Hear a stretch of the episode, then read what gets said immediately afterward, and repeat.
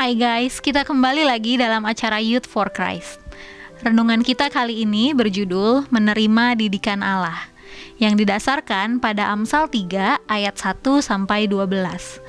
Yang menjadi pusat refleksi kita adalah Amsal 3 ayat 11. Hai anakku, janganlah engkau menolak didikan Tuhan dan janganlah engkau bosan akan peringatannya. Saya Novina Kristi. Guys, kita tentu merasa senang dan bersuka cita ketika kita mendapatkan kemurahan, kasih setia, berkat, dan rahmat dari Tuhan. Semua itu membuat kita merasa bahwa Allah begitu mengasihi kita. Namun, saat kita mendapatkan teguran dari Allah karena kita melakukan pelanggaran, apakah kita merasakan hal yang sama? Apakah kita juga bersuka cita? Bisa jadi kita kecewa, marah kepada Tuhan, jika kita bersikap demikian, maka kita hanya ingin kenikmatan saja dari Tuhan. Kita enggan terhadap didikan yang sering kali tidak mengenakan. Dalam kitab Amsal, kita mendapatkan nasihat-nasihat dari sosok bapa yang menasihati anaknya. Ditegaskan di sana bahwa janganlah kita jemu untuk menerima didikan Tuhan. Didikan Tuhan adalah ungkapan kasih sayang Tuhan menurut Amsal 3 ayat 12. Meskipun didikan Tuhan disejajarkan dengan menghajar, tetapi didikan itu tidak bertujuan menghancurkan. Sama seperti orang tua yang menegur anaknya ketika ia berbuat kesalahan, atau ketika seorang sahabat, bahkan kekasih, menegur saat kita menjauhi kebenaran.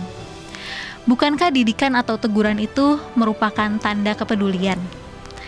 Amsal mengingatkan, janganlah bosan terhadap semua itu.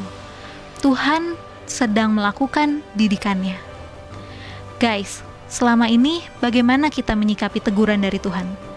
Apakah kita menanggapinya dengan perasaan marah? Menganggap Tuhan tidak adil? Tidak mengasihi kita? Atau justru sebaliknya, kita bersuka cita karena Tuhan masih mau menegur di saat kita melakukan kesalahan dan dosa?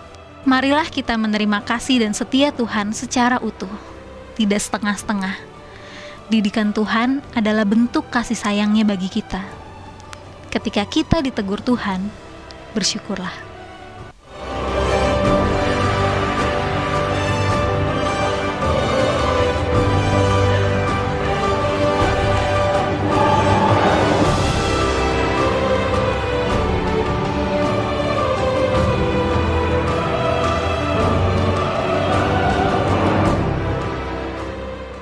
Sahabat, mari dukung pelayanan dan pekabaran Injil melalui YKB dengan membagikan link acara ini kepada sebanyak mungkin orang.